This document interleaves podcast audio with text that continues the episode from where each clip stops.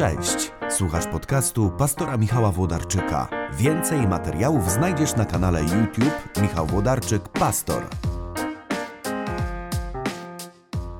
Cześć, mam 5 minut, żeby spróbować powiedzieć coś inspirującego, więc czas start. Włączyłem stoper i mam nadzieję, że zdążę. Dzisiaj o tym, że nie zauważałem tego wcześniej, wiedziałem, że takich tekstów jest dużo, ale dopiero pisząc tomy rozważań, czy do Ewangelii Mateusza, czy do Ewangelii Marka, zobaczyłem, że ten temat odpoczynku odpoczynku, który jest przykazaniem, odpoczynku, na który Jezus wysyła uczniów i każe im tak świadomie zadbać, pojawia się dużo częściej niż myślałem. I jeden z najpiękniejszych tekstów postaram się krótko opowiedzieć. Będę starał się nie powtarzać myśli, które są w tych książkach, które przed chwilą wspomniałem, żeby też te nasze pięciominutówki były świeże, również dla tych, którzy korzystają z książek i czytają codzienne rozważania właśnie w oparciu o Ewangelię Marka czy Mateusza. Po czołóweczce wyjaśniam o co chodzi.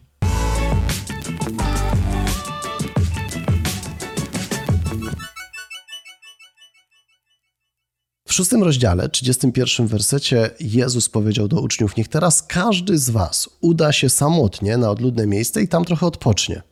Wiele bowiem osób przychodziło, odchodziło tak, że nie mieli czasu nawet zjeść posiłek. I akurat w tomie rozważań z Ewangelii Marka skupiam się na tym ich zapracowaniu, że nie mieli czasu zjeść posiłek. Tutaj w naszym filmie chcę opowiedzieć o czymś innym. Ostatnio byłem na takim spotkaniu z dwoma pastorami ze Stanów Zjednoczonych, którzy przylecieli do Polski i umówiliśmy się w Warszawie, chcieliśmy po prostu porozmawiać, poznać się lepiej, troszkę tak e, powiedzieć inspirujących słów do swojego życia.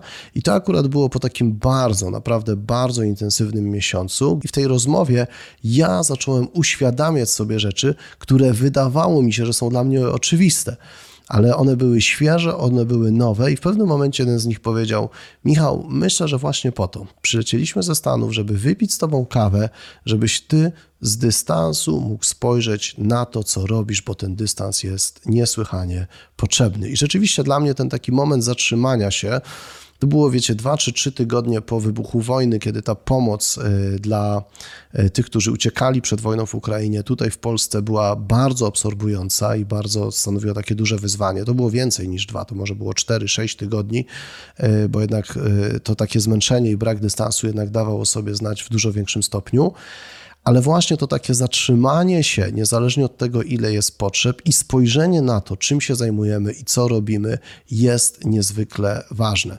Ja lubię to, to, to, to, tę myśl, że jeżeli żyjesz aktywnie, to potrzebujesz systematycznie czasu na refleksję. Im aktywniej żyjesz, im bardziej jesteś aktywny, im więcej działasz, tym więcej czasu potrzebujesz na myślenie. I myślę, że tak to działa, że tak człowiek jest skonstruowany, więc nieprzypadkowo Pan Jezus do uczniów powiedział: Niech każdy z Was uda się samotnie na odludne miejsce. Oni mogli powiedzieć: Ale ja lubię z nim, a ja odpoczywam, jak razem jemy pizzę.